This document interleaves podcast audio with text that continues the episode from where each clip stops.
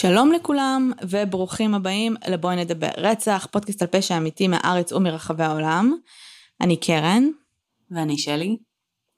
ואנחנו בעצם היוצרות והמנחות של הפודקאסט. בכל שבוע מישהי מאיתנו מביאה איזשהו קייס שאנחנו בעצם דנות עליו ומדברות עליו. אז אם זו הפעם הראשונה שאתם מצטרפים, אה, הגעתם לפודקאסט באווירת סלון קזואלית, אה, בעצם איזושהי שיחה ודיון. אה, זהו ככה בגדול, שלי. כן, אה, אז אה, אם יש אנשים חדשים שמגיעים לכאן, הגעתם ישירות לפרק 200 כנראה? כן, Oh my God. Oh אז יש לכם איזה ארבע שנים של תוכן להשלים. קחו בחשבון שעבר הרבה זמן, הפודקאסט גם קצת השתנה והתפתח לאורך הזמן. אבל וואו, אנחנו בפרק 200. אנחנו בכלל לא קלטנו במהלך, היה לנו כמה שבועות די מטורפים. אה, למי שמאזין לנו באופן קבוע ובאמת שם לב לקצב הפרקים, אז הייתה לנו פגרה, הייתה תקופה שקצת אה, היינו פחות אה, יכולנו להקליט, ובום, פתאום כאילו חזרנו מהפגרה והפרק השני אחרי זה זה פרק 200. אז... פרק 200. כן, מאוד אה, אה, מפתיע ומגניב. אז, אז פרק 200, אה, אה, יחד עם יציאה מהסגר, ואם זה היה בעולם מושלם ולא היינו בקורונה time, אז היינו חוגגות כנראה באיזשהו live, אה, שאנחנו נצטרך אה, להמתין איתו. אבל אה, פרק 200 אמור להיות פרק מיוחד שלי, כפי שאמרת. נכון, כן. אז את רוצה לספר לנו על מה אנחנו נדבר היום? אז אני לא יודעת, אני לא יודעת מה, את יודעת, מה רמת הייחוד שראויה לפרק 200, אבל אה, כן, יש לנו היום את אחד מהקייסים הקלאסיים ביותר.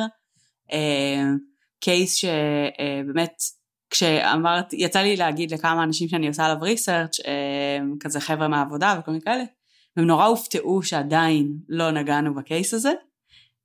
אוקיי. Okay. אז זה יהיה ה case של בוני וקלייד. וואו, את בטוחה שלא נגענו בו?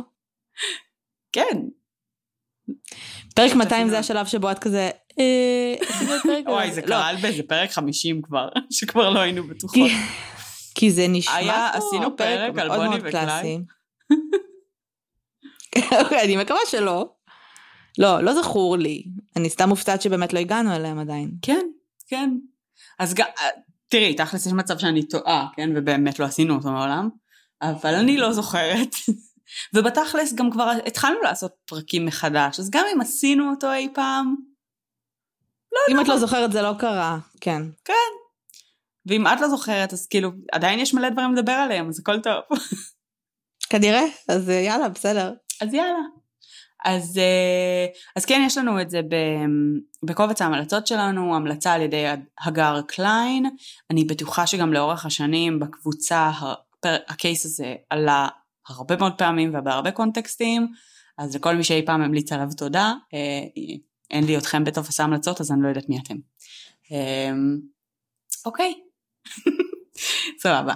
אז uh, בעצם בוני וקלייד הם בוני פארקר וקלייד ברו, הם בעצם זוג שודדים מפורסמים ונערצים, שפעלו בעצם בתחילת שנות ה-30 בארצות הברית, אה, הם ידועים על בעצם אה, בעיקר אה, כשודדי בנקים, מעין רובין הודים כאלה שלקחו מהממסד המושחת בתקופה שהייתה גם השפל הגדול וגם בעצם תקופה ש... תקופת היובש, כאילו תקופה באמת מאוד מאוד קשה בחברה האמריקאית. אבל בפועל הסיפור שלהם הוא לא בדיוק מה שהמיתוס שלהם. אמ, וואלה. בפועל, כן, זה די מפתיע. אה, בפועל הם בעצם היו חבורה, הם היו סוג של מיני כנופיה, אה, נטו לקרוא להם The Barrow Gang, על שם קלייד ברו ואח שלו שגם היה חלק מהחבורה. קלייד היה בעצם הסוג של המנהיג, אה, ובעצם בנוסף לבוני וקלייד היה את באק האח עם אשתו בלנש, היה נער בשם ג'יי די, ומספר אה, שותפים נוספים שחלקם הצטרפו והלכו לאורך השנים, אה, שבעצם אסירים משוחררים אה, או ששוחררו, אנחנו נגיע לזה, אה, שבילו עם אה, קלייד בכלא. אז אה, בואי נתחיל מבוני. ונדבר קצת על מי היא ו, ומה הביא אותה בעצם לכנופיה. אז בוני נולדה בראשון באוקטובר 1910 ברואנה שבטקסס.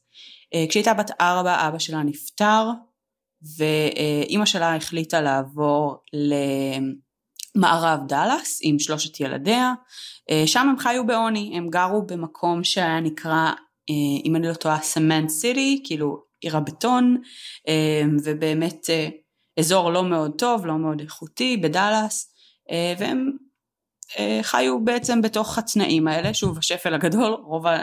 זאת אומרת, זה, זה קצת לפני השפל הגדול, אבל זה כבר הרבה, הרבה אוכלוסיות גם היו יותר קשות.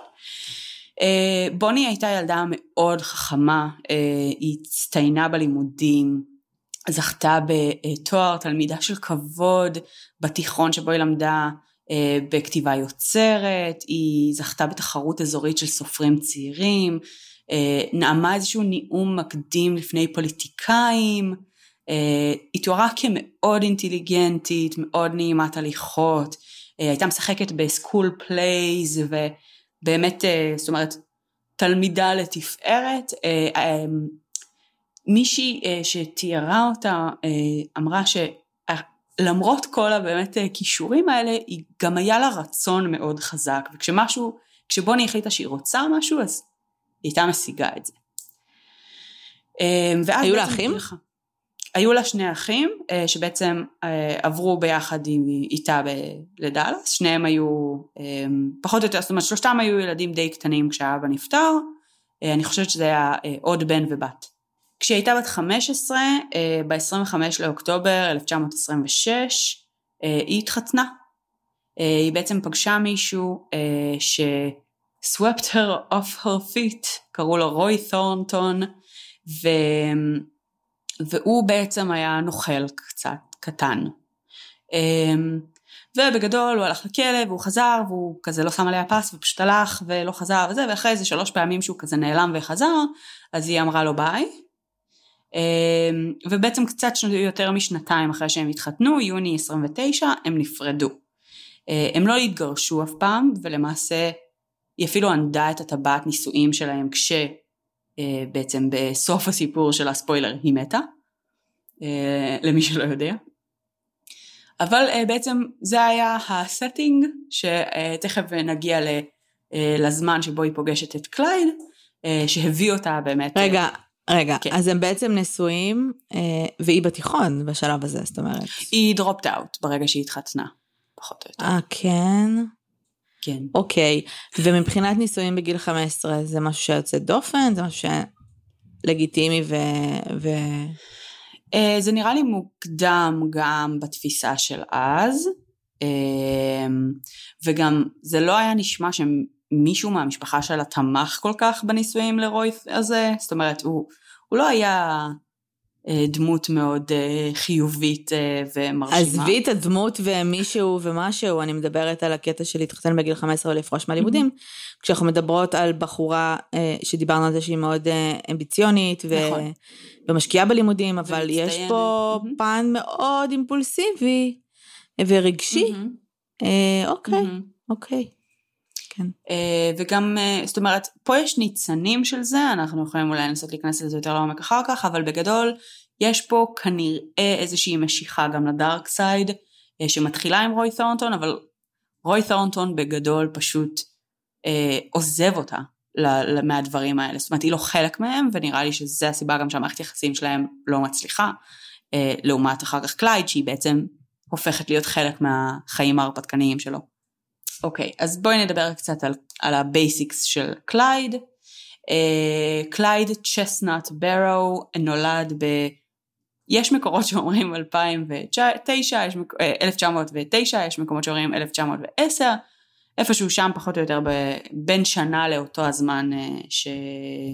אה, שבוני נולדה. הוא נולד במחוז איליס בטקסס, הוא היה הילד החמישי מתוך שבעה או שמונה ילדים. או. Some records say שבע, okay. לפעמים זה אומר שמונה.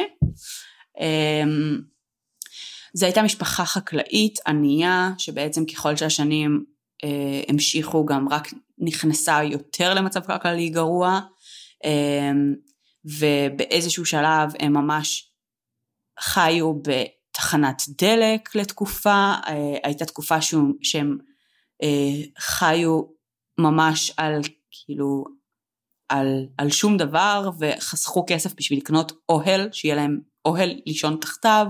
וואו. אה, באמת משפחה מאוד מאוד ענייה.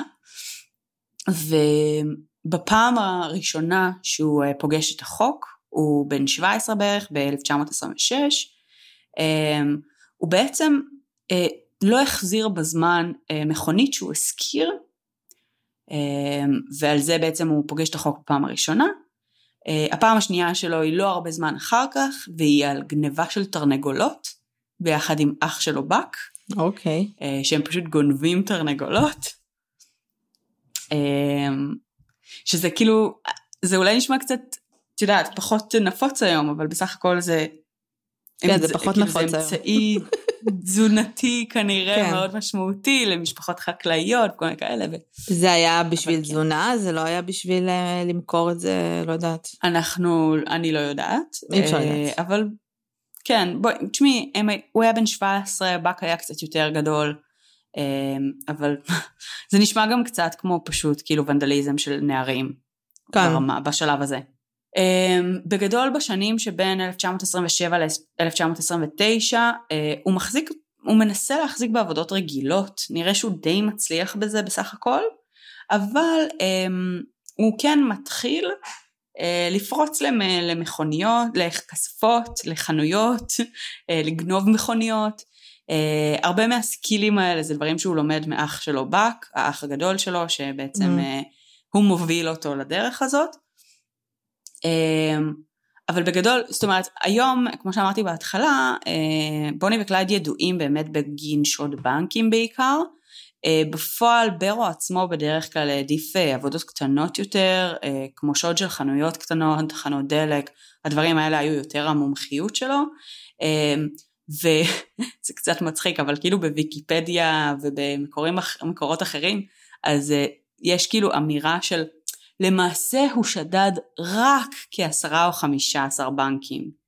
כאילו ביחס לכמות הגנבות וה, והבאמת אה, פעולות שהוא ביצע, אה, בנקים היו זניחים, אבל זה עדיין כאילו 15 בנקים, זה די משעשע. אמ, כן. כן צריך לזכור שבאמת בשנים האלה, בגלל השפל הגדול, היו הרבה מאוד בנקים שהם ניסו לשדוד ופשוט היו ריקים, כאילו לא היה בכלל מה לשדוד. אז uh, הרבה מה, מהפריצות ומהגנבות שלהם הניבו רווח זעום ו, וממש קטן ובכלל לא היה דר, נגד הממסד אלא נגד אנשים פרטיים כאילו ובעלי עסקים קטנים כי, כי הם פשוט ניסו להתקיים. Um, אבל כן. אוקיי, אז ב-1929 בוני בת 19, קלייד בערך בן 20, אה, הם נמצאים בבית של איזו חברה משותפת, יש ביניהם כימיה מטורפת מהרגע הראשון, אה, והם מתאהבים, וכל אה, מיני מקורבים של בוני, אז אמרו בזמנו ש... שהאופן שבו התייחסה לקלייד היה שונה לחלוטין מהאופן שבו התייחסה לרוי, אה, ושזה הרגיש בעצם כמו אהבה בוגרת יותר. that being said, היא כן הייתה, כמו שאמרנו קודם קצת, הייתה מאוד מעורבת בצד הזה של כאילו מחזות וקולנוע וכל מיני כאלה, ו- וזה היה קצת אחרי התפתחות הקולנוע, וכאילו הרבה אומרים שהייתה גם מאוד מושפעת מסיפורי האהבה הקולנועיים, שבעצם כאילו השפיעו על האופן שבו כאילו היא התנהגה בתוך המערכת יחסים הזו כבר מההתחלה. בסדר, גם עברו ארבע שנים, כן, היא כאילו... לא, היא גם יותר, היא כבר עברה נישואים, בואי. עברו שנתיים. בסדר, היא עברה נישואים... עברו שנתיים מאז שהיא ורועי נפרדו, אבל כן. כאילו... כן, היא גם הייתה בת 15, ופה היא בת 19. הייתה בת 15, היא בת 19. יש הבדל בין הגילאים האלה. כן. כן. אוקיי. רגע, בשלב הזה שבו הם, בשלב הזה שבו הם ביחד, והיא בת 19 ובן 20, מה הם עושים? היא עובדת איפשהו? אה, זה, אני, אין לי מושג מה היא עשתה בתקופה הזאת, האמת. אוקיי. Okay. אני יודעת שהוא באמת אה, בשנים האלה גם החזיק קצת עבודות רגילות, אבל גם הוא ממשיך, כאילו שודד, גונב וכל מיני כאלה, מחדד את כישורי גנבת המכוניות שלו. אמ, אז אני לא יודעת בדיוק להגיד מה היא עשתה בפועל, אבל uh, כנראה שהיא פשוט הייתה סוג של, את יודעת, עזרה בבית עם אימא שלה וכל מיני כאלה, כאילו, זה פחות או יותר אחרי שהיא עזבה את רוי. Um, אוקיי, אז עד אמצע 1930 הם כאילו, הם, הם סוג של מתראים על בסיס קבוע, הם נהיים זוג, um, ו... ואז יש איזשהו שלב שבעצם אה, קלייד כבר מתחיל למשוך את העין של המשטרה, הוא כבר גונב הרבה דברים, הוא שודד הרבה דברים, הם מתחילים לעקוב אחרי אימא של בוני, כדי לנסות להגיע אליו. Mm-hmm. הוא כאילו נהיה מבוקש ממש, ו... ובסוף באמת הם מצליחים אה, לתפוס אותו, הוא נכנס לשנתיים מאסר בפועל, ומלבד שבוע אחד שבו הוא בעצם בורח מהכלא ואז תופסים אותו במקום אחר, הוא מבלה את רוב המעצר שלו בעצם, בבית כלא איסטרן פארם שבטקסס, אה, עד בעצם לתחילת 32. עכשיו איסטרן פארם הזה בטקסס נחשב אחד מבתי הכלא הכי גרועים שידעה ארצות הברית ובמיוחד באותה, באותה תקופה. Okay. אוקיי. Um, כאילו בגדול um, החברים שלו לכלא היה לו חבר שקראו לו רל פולץ אנחנו נשמע עליו קצת בהמשך אז הוא אמר עליו שבין כותלי בית הכלא הזה אה, קלייד הפך מילד לנחש ארסי. אמ, הכלא שם בעצם לא, עוד, עוד יותר מהיום, הכלא לא היה מכוון שיקום, אמ, הוא בעצם היה עבודת פרך, עבדות לכל דבר ועניין, הם עבדו בשדות כותנה, הם, הם, הם, הם אה, היו אה, רודים באסירים, הסוהרים היו לפעמים פשוט רנדומלית מחליטים לירות באיזשהו אסיר ואז פשוט היו אומרים שהוא ניסה לברוח, אה, היו מתעללים בהם בצורה מאוד מאוד אלימה. ו... ובכלא הזה בעצם קלייד מבצע בפעם הראשונה רצח. וואלה. אמ, כן. כאשר בעצם אה, איזה יום אחד אחרי העבודה הוא מגניב צינור אה, מתכת כזה אליו לתא. אה, והוא משתמש בו כדי לרצוח אסיר שהיה אונס אותו בקביעות. אמ, ובעצם אסיר אחר שכבר ישב על מאסר עולם בכלא, פשוט כאילו לוקח על עצמו את האחריות על, האונס, על הרצח הזה, וואו. אז קלייד לא מואשם בו, כי הוא כזה, מה אכפת לי, כאילו, אני תומך בך אחי, כל הכבוד. ואני גם ככה לא הולך לצאת אף פעם, אז כאילו מה אכפת לי שיהיה עליי עוד, אה, עוד עונש. אבל הוא היה כאילו חבר שלו? כנראה, של קלייד. לא, תראי, למרות שהוא לא הולך לצאת, זה, זה חתיכת... אה, כן. כאילו טיב לקחת על עצמך בשביל מישהו, לא? אני, אני מניחה שהוא קיבל על זה איזשהו עונש. כנראה, אבל אני מניחה שאם אין לך שום סוג של תקווה, ואתה כאילו כזה, לא יודעת, הוא חבר, ואתה תומך במעשה, לא יודעת. אני, אני יכולה להבין את זה, אבל כן, אני מסכימה איתך, זה עדיין כנראה היה לזה השלכות. וואו, אז הוא נכנס לכלא לשנתיים, הספיק אה, אה, בעצם לחוות את השנים הכי גרועות בחיים שלו, רצח מישהו, כן. נאנס על בסיס קבוע, ויצא כן. משם כנראה, אה, אז עוד אם לא. עד עכשיו הוא לא היה פושע מיומן? בדיוק. אה, אבל לפני זה, בעצם באיזושהי נקודה קלייד לא מסוגל לשאת יותר את העינוי, שזה בעצם עבודות הפרך האלה. וחלק מהתיעודים אומרים שהוא עשה את זה לעצמו, חלק מהתיעודים אומרים שהוא ביקש מחבר לעשות את זה, אבל בעצם הוא כרת לעצמו שתי בהונות ברגליים עם גרזן, כדי שהוא לא יוכל לעבוד בשדות יותר. אמ, כן, גם את זה הוא מספיק לעשות בכלא, אמ, וכל זאת הוא עושה באמת על מנת להפסיק לעבוד בפרך, הוא רוצה לקבל העברה או משהו כזה וזה. בפועל אימא שלו בינתיים מצליחה להשיג לו אה, פרול. אמ, אוי לא. והוא שישה ימים אחרי שהוא כרת לעצמו את האצבעות הוא יוצא מהכלא. אוי. זה קצת אוקוורד. אמ, כן. עכשיו החוויה הזאת של הכלא היא מאוד מאוד מעצבת, הוא נשבע שהוא לא יחזור לכלא לעולם, הוא כאילו זה סופר סופר משפיע עליו, ובעצם כל הקריירה שלו אחר כך נובעת מזה שהוא פשוט לא מוכן לחזור לכלא. אז הוא, הוא מוכן לעשות הכל בשביל פשוט להישאר בחוץ, גם אם זה אומר שפשוט יהרגו אותו שם. כן, זה מה שבדיוק מה שבאתי להגיד, שנגיד... את אומרת, אוקיי, הבן אדם יצא מהגיהנום על פני אדמות, שזה הכלא הזה, ואומר לעצמו, אני עושה הכל כדי לא לחזור לשם. את אומרת, יופי, הכלא עשה את מה שהוא אמור לעשות. בן, הבן אדם עכשיו מאוד נרתע מכלא, לכן הוא ילך עכשיו בדרך ישרה ויכבד את החוק. אז לא, זה, זה לא באמת קורה, זה לא באמת עובד ככה אם אתה לא עובר איזשהו שיקום. כן. להפך, אם אתה יוצא משם עם צלקות, אתה פשוט אומר, אה, אני אמשיך את החיים שלי, כאילו אין לי מה להפסיד, אבל כלא זה לא אופציה, זה אומר שכאילו, זה do or die נכון. בשלב הזה.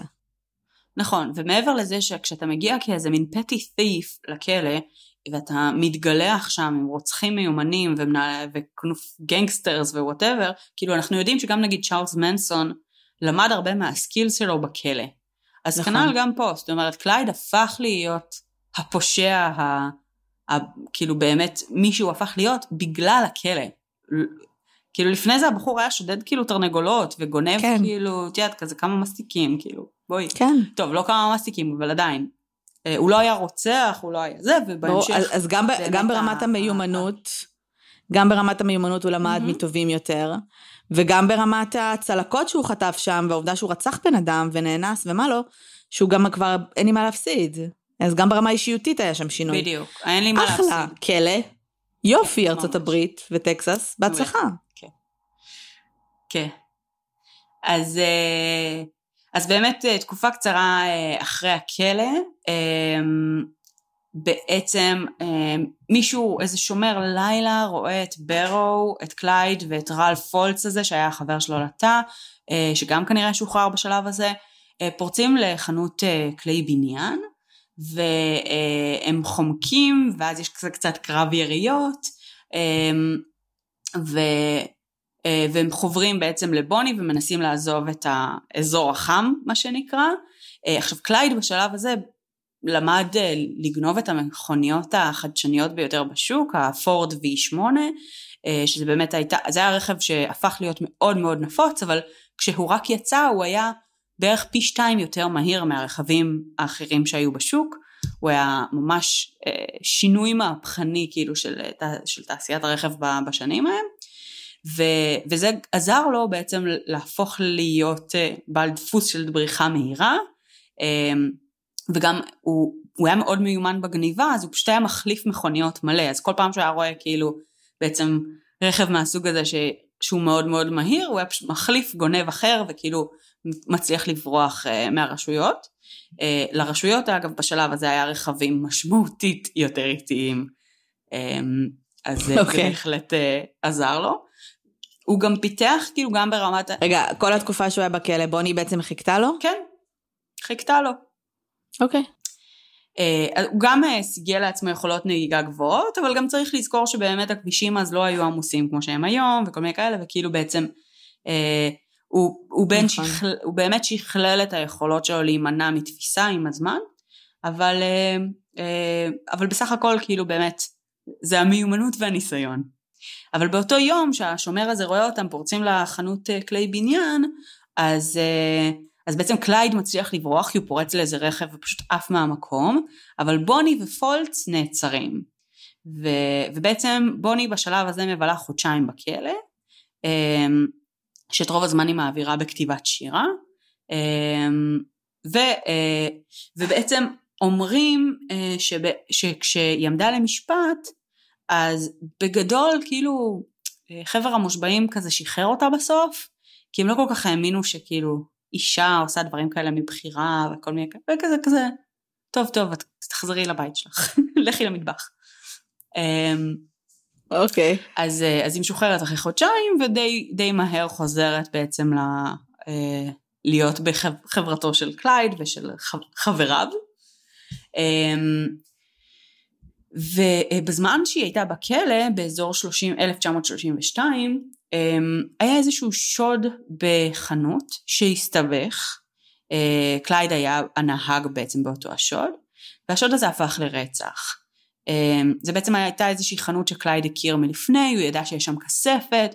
אמ, אשתו של קורבן הרצח, שזה בעצם היה הבעלים של החנות, זיהתה את קלייד כאחד היורים, ובעצם אה, באוגוסט 32, אה, בזמן שבוני ביקרה את אימא שלה, אז אה, קלייד ושני שותפים היו באיזה מסיבה באוקלהומה והם שתו אלכוהול.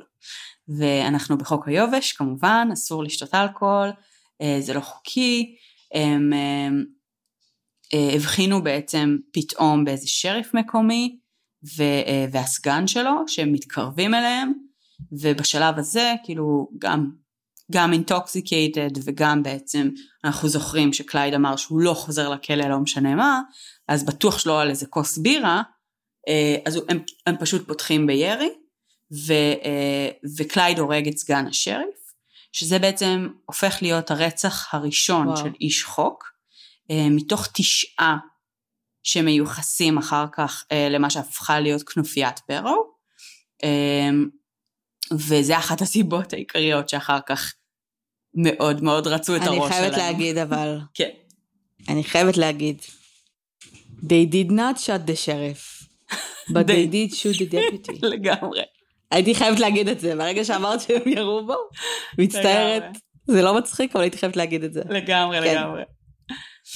Um, סבבה, אז uh, בשלב הזה, כאילו זה עדיין לא כנופיה של ממש, זה כזה בוני וקלייד ואיזה חבר של קלייד, וכאילו זה לא זה, ואז ב-1933, באק, אח של אה, קלייד, משתחרר מהכלא, אמ, וחודש אחרי השחרור, באק ואשתו בלנש, הם חוברים לקלייד בוני אה, ונער בשם ג'יי די או ג'ונס שגם היה חלק מהחבורה הזו אה, תקופות אה, ארוכות והם הולכים לאיזה מקום מחבוא זמני במקום שנקרא ג'ופלין במדינת מיזורי עכשיו בהרבה דוקומנטרים שראיתי מתייחסים לזה שכאילו זה המקום הכי גרוע שהם יכלו לבחור ever כי זה היה מקום הומה שוטרים ו...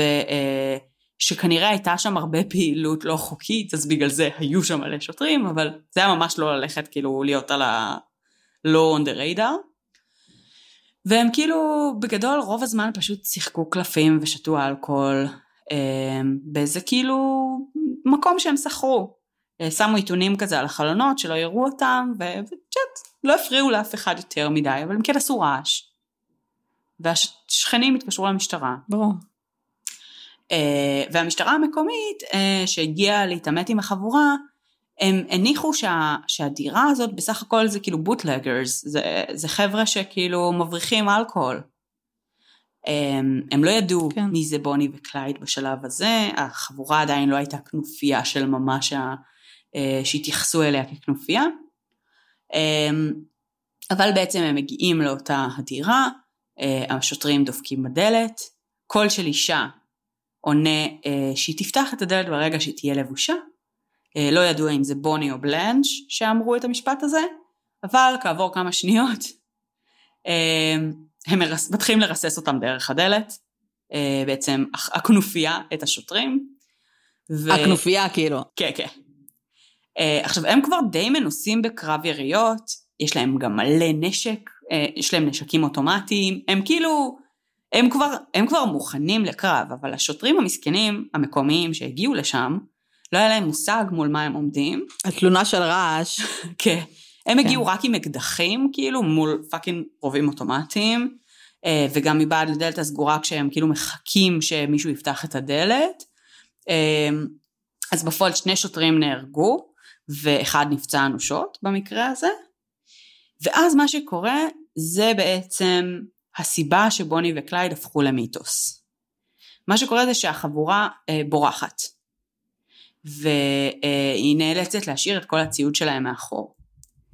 וכשהם משאירים את כל הציוד שלהם, אז בעצם אה, בין החפצים שלהם אחר כך מוצאים מצלמה עם פילמים, בעצם של תמונות שהם צילמו. המשטרה מפתחת את הפילם, אה, ובעצם הנגטיב מראה אה, תמונות ש... שהם כאילו הצטלמו, התמונות האלה כמובן מגיעות לעיתונות, ו, ובתמונות רואים גם את הרכב, אה, איזשהו רכב שהם גנבו עם מספר הרישוי והכל, טעות שהם לא חזרו אליה אחר כך בגלל, אה, בגלל הפרסום. אמ, אבל גם בעצם תמונות שהפכו להיות למאוד מאוד איקוניות של בוני וקלייד. תמונה אחת שבוני מחזיקה רובה לבטן של קלייד בטווח אפס, תמונה אחרת של בוני נשענת על הרכב הגנוב עם סיגר ואקדח ביד ולבושה בבגדים מפוארים אמ, וכאילו בעצם כל מיני poses שהם עשו למצלמה שהם גם נראים כאילו עשירים, מאושרים וגם כאילו כזה outlaws וסקסיים. והדבר הזה בעצם מתפרסם בעיתונות, ככה, וגם שירים שהיא כתבה וכל מיני כאלה כאילו נמצאים שם ומתפרסמים ביחד עם זה, וכאילו בוני וקלייד כזוג הופכים להיות בעצם סוג של מיתוס.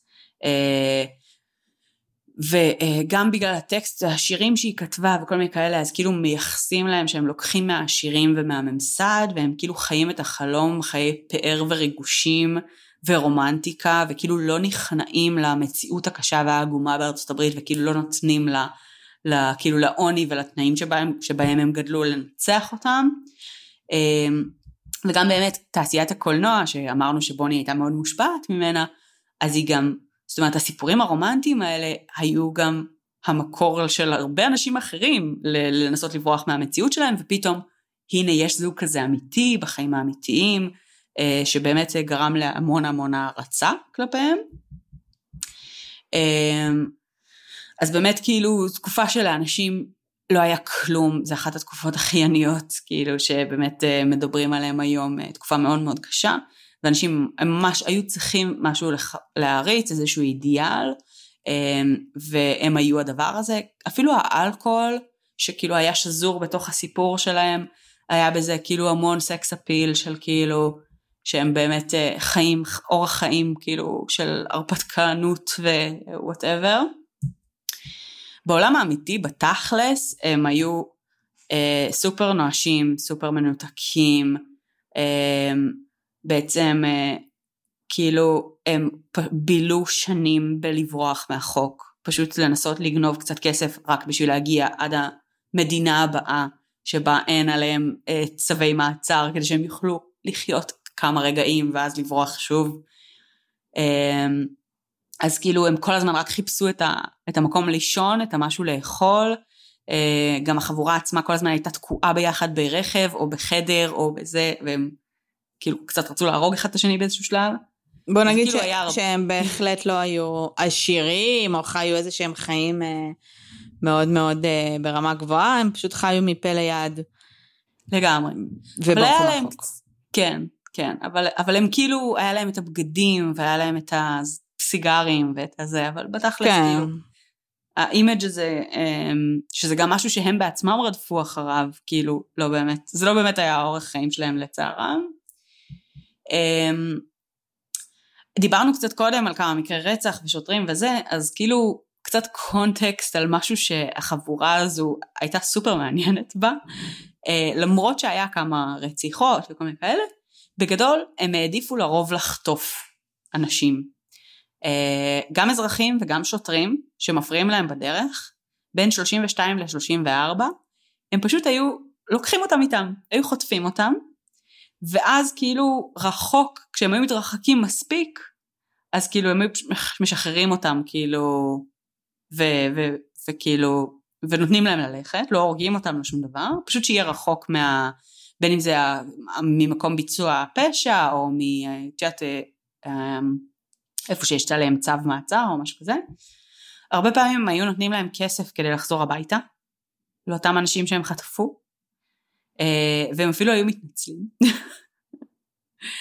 אה, על אי הנעימות. החטופים למיניהם, אה, גם שוטרים וגם אזרחים וקורבנות שוד, היו מספרים שכאילו, זו הייתה חוויה לא נעימה, את יודעת, חוטפים אותך וזה. אבל בתכלס די מהר הם היו כן, לא נעים. אבל בתכלס די מהר הם היו הופכים להיות סופר נחמדים. וכאילו, והנסיעה הייתה די נעימה איתם, והם התייחסו אליהם יפה. אז כאילו, חוץ מזה שאתה לא יודע לאן אתה נוסע, אתה לא יודע תאורטית אה, איפה כן. תסיים את היום שלך, או אם תחיה. תקשיבי, כן. זה מאוד מוזר. כי אנחנו מדברות פה על אנשים ש... שלא מהססים לרסס. ולהרוג. זה לא סתם שודדים. אז תראי, עד, עד כה הסיפורים ששמענו, הם ריססו רק במצב שהיה איום ממשי וקיומי לזה שהם יעצרו. אמ, אנחנו תכף נגיע למה שנקרא כאילו הרציחות הסתמיות שלהם, אה, שזה גם משהו ששינה את הדעת קהל עליהם מאוד, אבל אמ, בפועל בשלב הזה כאילו היה צידוק שהציבור יכל לראות ברציחות האלה, וכל הסיפורי חטיפות הנחמדות האלה, שכאילו במצבים שבהם לא היה עליהם איום קיומי, הם היו משחררים את האנשים עם כסף חזרה הביתה, עם התנצלות, מאוד עזר בעצם למיתוס ולאהדה שלהם לדימוי מצד שלהם. הציבור. כן. אמ, אוקיי, אה, בגדול יש איזשהו אירוע מחולל בכל הסיפור הזה, אמ, כשבעצם ביוני 1933 הם נוסעים אה, במכונית הגנובה קלייד, בוני וג'יי די, אמ, והם נוסעים וזה ערב וקלייד נוסע מאוד מאוד מהר אה, והוא לא שם לב שיש איזשהו תמרור שמורה על אה, שינוי בדרך, עבודות בדרך, כל מיני כאלה. אה, ובפועל פשוט הכביש שהוא נוסע עליו מסתיים בבת אחת והוא לא שם לב. והמכונית מתהפכת בתוך תעל, תעלה ופשוט עולה באש. קלייד מצליח לצאת מהרכב, ג'ונס סבבה, אבל בוני בעצם נלכדת בתוך הרכב או מתחת לרכב, לא לגמרי ברור, ואו שנשפך עליה דלק שנדלק, או אפילו חומצה מתוך בעצם חלקים במנוע, והיא באמת כאילו, כאילו היא, ב, היא במצב מאוד מאוד מאוד מסוכן. איזושהי משפחה מקומית מצליחה לחלץ את בוני מהמקום שהיא תקועה בו, והרגל שלה במצב מאוד גרוע, שופכים לה סודה לשתייה וכל מיני חומרים מאולתרים מהבית כדי לנסות להציל לה את הרגל, אבל בפועל היו לה כוויות מדרגה שלישית ברגל השמאלית שלה, עד לרמה שראו את העצם,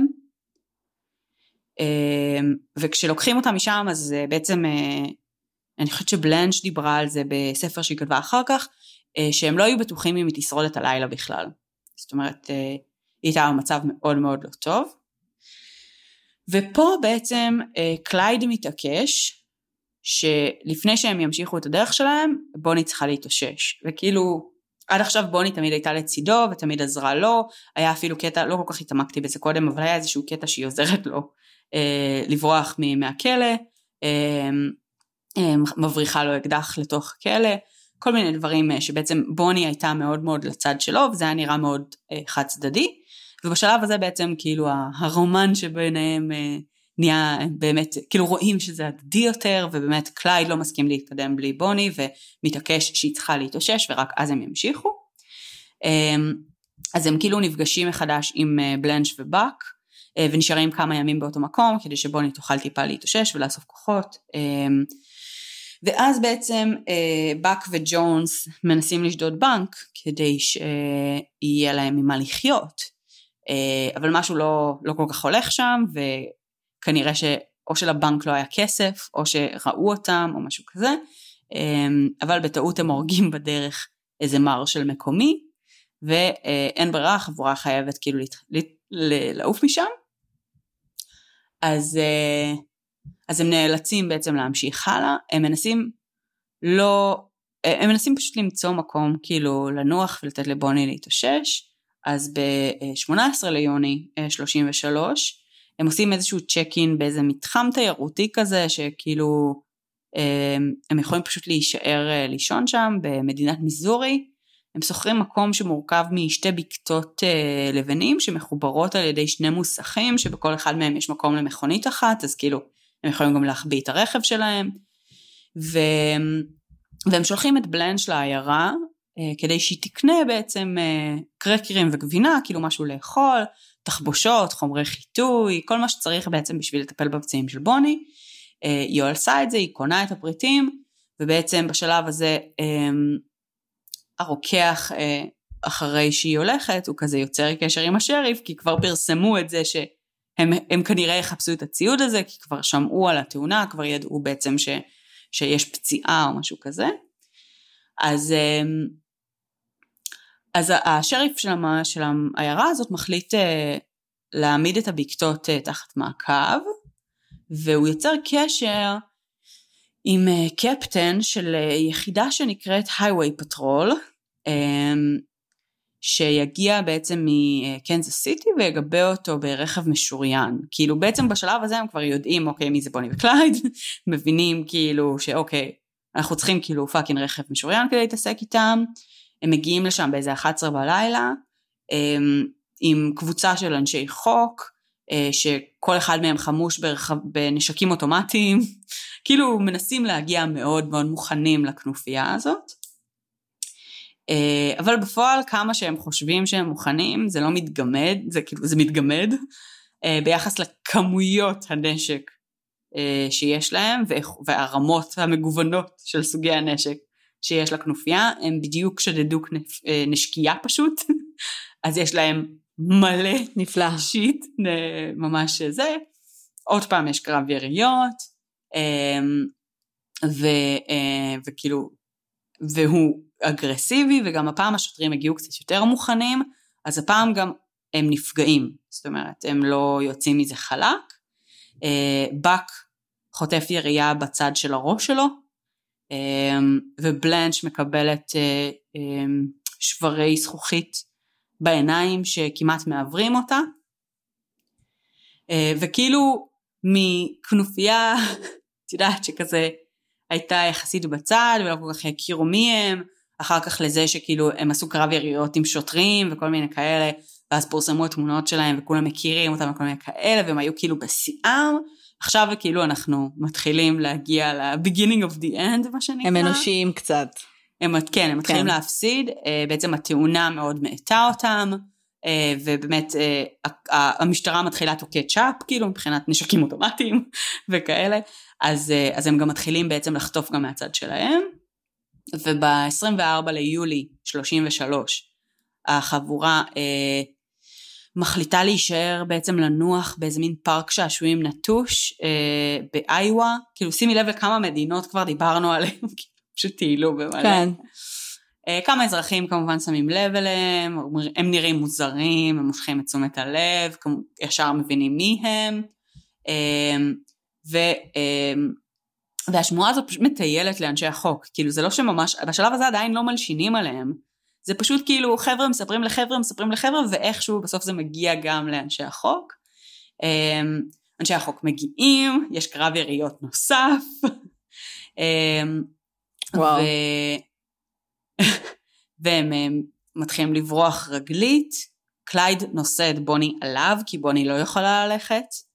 אמ, ובעצם קלייד וג'ונס, ג'יי די, מצליחים לברוח ברגל, אבל באק נורה בגב שלו, אה, נופל ולא מצליח להמשיך, ובלנש נפגעת שוב, ובעצם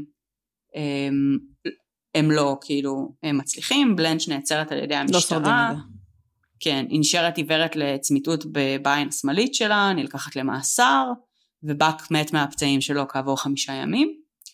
כל האירוע הזה בגן השעשועים הזה, אה, הוא, הוא קורא לעיניהם של מעל 100 אזרחים. שבעצם כאילו כבר את יודעת השמועה התפשטה, אנשים באו לראות אותם, כל מיני היה מלא מלא אנשים וכאילו כל הקרב יריות הזה אה, נעשה עליהם מול, האזרחים. אמ, ובשלב הזה אז בוני וקלייד כאילו מתארגנים מחדש, הם כזה טוב, אין לנו מה לעשות, צריך להמשיך לברוח, ממשיכים את החיים שלהם, מצליחים כאילו להישאר על, על רדאר אה, יחסית נמוך. אה, עוברת חצי שנה ומנסים, הרשויות מנסים לתפוס אותם במפגש שלהם עם קרובי משפחה בטקסס, כאילו בעצם מתחילים להבין שיש איזשהו דפוס של מדינות שהם מטיילים בהם והם בסוף תמיד חוזרים לבקר את המשפחה שלהם באיזשהו שלב, אז אה, כמעט מצליחים לעצור אותם באיזה מין מפגש כזה. אה, הם לא מצליחים, אבל באותו המפגש אה, ההורים של קלייד מספרים לו שהם עדיין לא רכשו מצבה לאח שלו באק שנהרג חצי שנה קודם לכן, כי הם יודעים שקלייד עומד למות בקרוב גם, אז הם כבר יקנו להם מצבה ביחד כי אין להם מספיק כסף אה, לקנות פעמיים. אה, כל השיחה עם המשפחה היא בעצם ממקום שבו לכולם ברור שהם הולכים למות, אה, שהם לא ייתנו למשטרה לתפוס אותם, אה, ושהדרך שבה זה הולך להסתיים היא אחת בלבד. ו... וזה, בזאת בעצם מסתיים המפגש שלהם עם המשפחה, אה, והם אה, הולכים. איפשהו בשלב, בזמן הזה, שהם כאילו יחסית על רדאר נמוך, אבל הם די לבד, קלייד מצליח להגשים חלום. לקלייד מהרגע שהוא היה בכלא, הוא חולם על אה, בעצם לעשות את הבריחה מאיסטהם. בעצם פשוט לשחרר מהכלא חברים שלו. אוקיי. ולדפוק את המערכת בתכלס. אז הוא במשך שנתיים בערך מהרגע שהוא שוחרר מהכלא מתכנן את הפריצה הזאת, והוא מצליח באמת לשחרר את הנרי מת'ווין, ריימונד המילטון וכמה אסירים נוספים. אמ, וכאילו, וזה, ומי שכתב את הביוגרפיה של קלייד, אומר שכאילו שם הוא השיג את מה שהוא תיאר כתשוקה שבערה בעצמותיו במשך כאילו ימי חייו, כאילו זה היה ממש כזה בקטע של כאילו, הוא כל כך שנא את הכלא הזה, הוא כל כך רצה כאילו לדפוק אותו. כל כן. כך שנא את הכלא. זה גם ללכת, זה ממש להסתכן, זה נכון. כאילו הדבר האחרון שרוצה זה לחזור לכלא, ללכת, לחזור לכלא בשביל זה, לשחרר זה חברים פשוט שלו. היה נקמה זה וואחד מבחינתו. כל כך עמוקה, שהוא כאילו... כן. אה, במהלך הבריחה, סוהר אה, נהרג אה, בדרך. אה, כמובן שמערכת העונשין והמשפט של מדינת טקסס מקבלת פרסום מאוד שלילי, אה, וכאילו הם ממש לא מבסוטים עליו. אה, אחת התוצאות של הבריחה הזאת זה שבעצם המאמצים של רשויות האכיפה והמשפט לתפוס את, אה, את קלייד עולות בטירוף, הוא כל כך על הרדאר שלהם כרגע שכאילו שהם לא הולכים לשחרר את זה, ובעצם בחסות גם הממשלה הפדרלית וגם מדינת טקסס הם כאילו מחמירים בטירוף ומעלים למקסימום את החיפושים, אה, מה שבסוף גם מביא באמת למוות שלהם. ו... ופה קורה כאילו משהו מעניין וסופר לא חוקתי. הם, הם בעצם יוצרים קשר עם אה, אה, צייד ראשים אגדי, אה, בעצם מישהו שהיה סרן ב-Texas Rangers ויצא לפנסיה, כאילו בחור בשם פרנק המר, שהם משחררים, כמו בסרטים, יצא לפנסיה ועכשיו הוא לא משחק ממש. לפי חוקי המשחק. ממש. I'm too old for this shit וכאלה. אז אוקיי. הקטע הוא, זה הכי קלינט איסטווד, אבל הקטע הוא שגם הוא יצא לפנסיה מתוך פעולה רגולטורית של המדינה להפוך את השריפים ואת הריינג'רס או whatever, המשטרות המקומיות, לקצת פחות כאילו Wild West, כאילו לתת הרבה יותר חוקים וסדר לאופן שבו המדינה מתנהלת. אה, וזה באמת הייתה תקופה כזאת שכאילו, אה, כאילו זה היה בערך הזמן שהוא יצא לפנסיה, והאופן שבו הוא עבד באמת היה מאוד כאילו Wild West, ואז הוא יצא לפנסיה והשוטרים היו כאילו יותר by the books, והחליטו להחזיר אותו כדי שהוא יפעל לא by the books. כן. אז באמת משכנעים אותו, הוא לוקח על עצמו את התפקיד. עכשיו טכנית הוא כאילו היה בפנסיה, אבל הארכיונים של אוסטין מראים שכאילו המר היה הבן אדם היחיד אי פעם שפרש משורות הריינג'רס, אבל בעצם הורשה לשמור על המינוי שלו כריינג'ר באופן פעיל, למרות שהוא פרש. כאילו, זה ללא ספק גם היה בן אדם יוצא דופן, שגם התייחסו אליו בצורה יוצא דופן. אה, אבל הוא לא מקבל את התפקיד הזה כריינג'ר, אלא הוא מקבל את זה כתפקיד בתוך מה שנקרא ה-Highway Patrol, סיירת אבטחת הכבישים המהירים. זה סיירת שמסופחת לשירות בתי הסוהר, וזה סוג של תפקיד של חוקר מיוחד שממונה לתפוס את בוני וקלייד וחבריהם. אמ, תפקיד סופר סופר מוזר, אמ, שגם אה, בגדול על, על פרנק תפקיד המר, מונפץ בגדול. כן, על פרנק המר ועל התפ, על התפקיד שלו ב-case של בוני וקלייד יש סרט בנטפליקס שנקרא The Highwaymen, אה, סרט עם קווין קוסטנר ולא זוכרת, בקיצור סרט אה, כאילו נטפליקס ממש לא רע, שממש מבוסס על, ה, על הדמות הזאת ועל המרדף שלו של בוני וקלייד. אה, ופרנק לא משחק משחקים, אה, והוא כאילו on their tail, אה, הוא באמת אה, מאוד מאוד מקדם את, ה, את התהליכים נגדם. ואז קורה בעצם הדבר שמשנה את תפיסת הקהל על בוני וקלייד, וזה שבראשון לאפריל 1934, קלייד והנרי מת'ווין, שהוא שחרר איתו מהכלא, הרגו שני שוטרים סיירים אה, בטקסס, אה, שבעצם לפי עדויות ראייה, אה, כאילו זה היה סופר סתמי.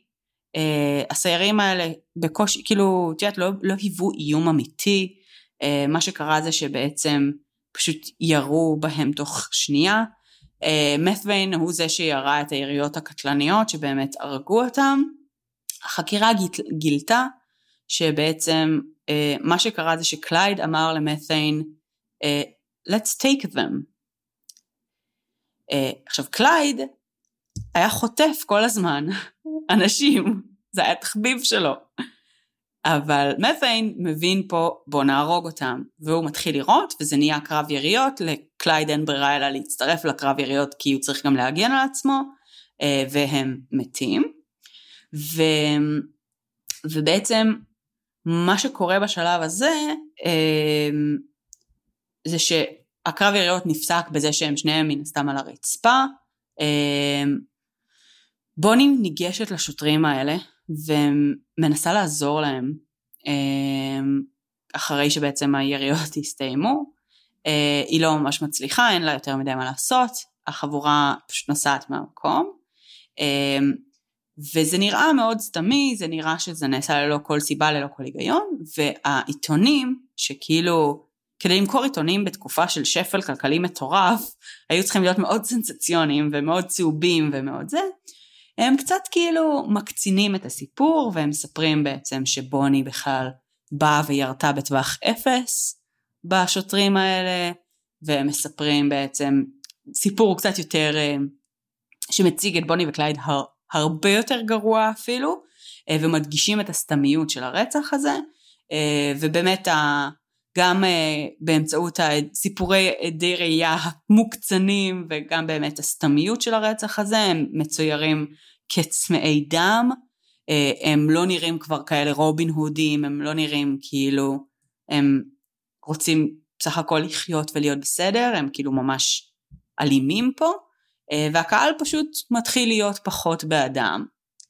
אה, וזה מאוד מאוד עוזר, כי בעצם העובדה שהציבור כל הזמן היה לצידם והם לא נתנו יותר מדי מידע לרשויות החוק כאילו וולנטרית, אז כאילו אפשר לבוני וקלייד לעבוד הרבה יותר, אה, אבל בעצם בשלב הזה, בגלל שהציבור מתחיל כאילו to resent them, אז המר uh, מנהיג איזשהו כוח, הם מצליחים לעקוב uh, אחרי הזוג ב-10 בפברואר 1934, uh, ולהבין בעצם את המעגלים שבהם הם נוסעים בין הנקודות המרוחקות האלה, uh, בין uh, חמש ערים אה, שנמצאות בצפון מרכז ארה"ב. הם מנצלים את העובדה שיש אה, אה, חוק פדרלי שמגביל את הסמכות של שוטרים שכאילו לא יכולים באמת לרדוף אחריהם בין המדינות ו... ואז בעצם ככה בוני וקלייד מצליחים כל הזמן הזה, כל השנים האלה לא להיתפס. ו... אבל הם עקביים בתנועות שלהם, זאת אומרת המר מתחיל להבין שיש איזשהו דפוס שהם בדרך כלל הסדר הוא קבוע ו- ואם הם היו פה אז אפשר להבין גם איפה הם יהיו מחר.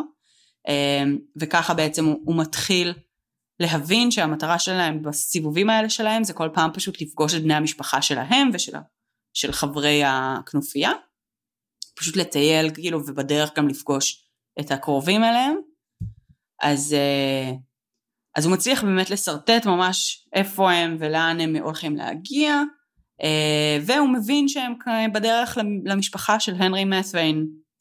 אה, אז שוטרים פדרליים אה, בעצם מספקים את כל התמיכה שהם יכולים בהאמר, והם נותנים לו כלי נשק, רובים, בראונינג אוטומטיים, 20, כאילו מה, מה שאת לא רוצה, כאילו מחסניות של מכונות ירייה מלאות בשרשורי כדורים, מלא מלא מלא תחמושת, אמ, כאילו כדורים חודרי שריון, אה, הכל ניתן לו בשנייה שהוא מבקש, זה אמצעים שעד לאותו רגע היו בשימוש רק של הצבא, כאילו זה דברים שאפילו לכוחות משטרתיים הכי גבוהים כאילו לא משתמשים בדברים האלה, זה הכי קיצוני כאילו שאת יכולה לדמיין. וב-21 למאי אה, ארבעת אנשי חוק מטקסס אה, לומדים על הכוונה של בוני וקלייד אה, להגיע לאזור עוד באותו ערב אה, בעצם עם הנרי מת'ווין בשריבפורט לואיזיאנה. ובגדול כאילו בדיעבד הם גם אה, למדו שהבית של מת'ווין היה מקום מפגש במקרה שהחבורה מתפצלת אז כולם ידעו בעצם תמיד לחזור לשם, כי הוא היה הרבה פחות בפוקוס מההורים של בוני וקלייד. אמ, בפועל מת'ווין היה בחור שכאילו ירה תמיד באנשים כל הזמן. כאילו מלבד הסיפור הזה שכאילו האחד היו עוד כל מיני מקרים שהוא היה מאוד כאילו יד קלה על ההדק, הוא כאילו לא הפריע לו להרוג בשום צורה, הוא כאילו פשוט היה יורה בכל מי שהפריע לו, הרבה יותר אפילו מבוני וקלייד והחבורה המקורית. אמ, אבל בעצם אה, יוצר, יוצא איזה מצב שמת'ווין נפרד מבוני וקלייד בשריבפורט, בשריבפורט ואז קבוצת אה, אנשי אה, חוק מציבים מערב באיזשהו כביש, כביש המהיר מספר 154, כביש בין, בעצם הדרך היחידה שהם יכולים לנסוע לבית של המשפחה, איזשהו כביש יחסית צדדי, צר ושקט, שלא הרבה עוברים בו. מתמקמים שם ב, במיקום הזה באיזה תשע בערב ב-21 למאי, ופשוט מחכים יום שלם למחרת, כאילו מתוך ציפייה שבוני וקלייד עומדים להגיע. עכשיו, כל זה הם גם מבינים ומגלים בעזרתו של אבא של מת'יין. אמ, שאני אכנס לזה טיפה יותר אחר כך, אבל אמ, בעצם ה...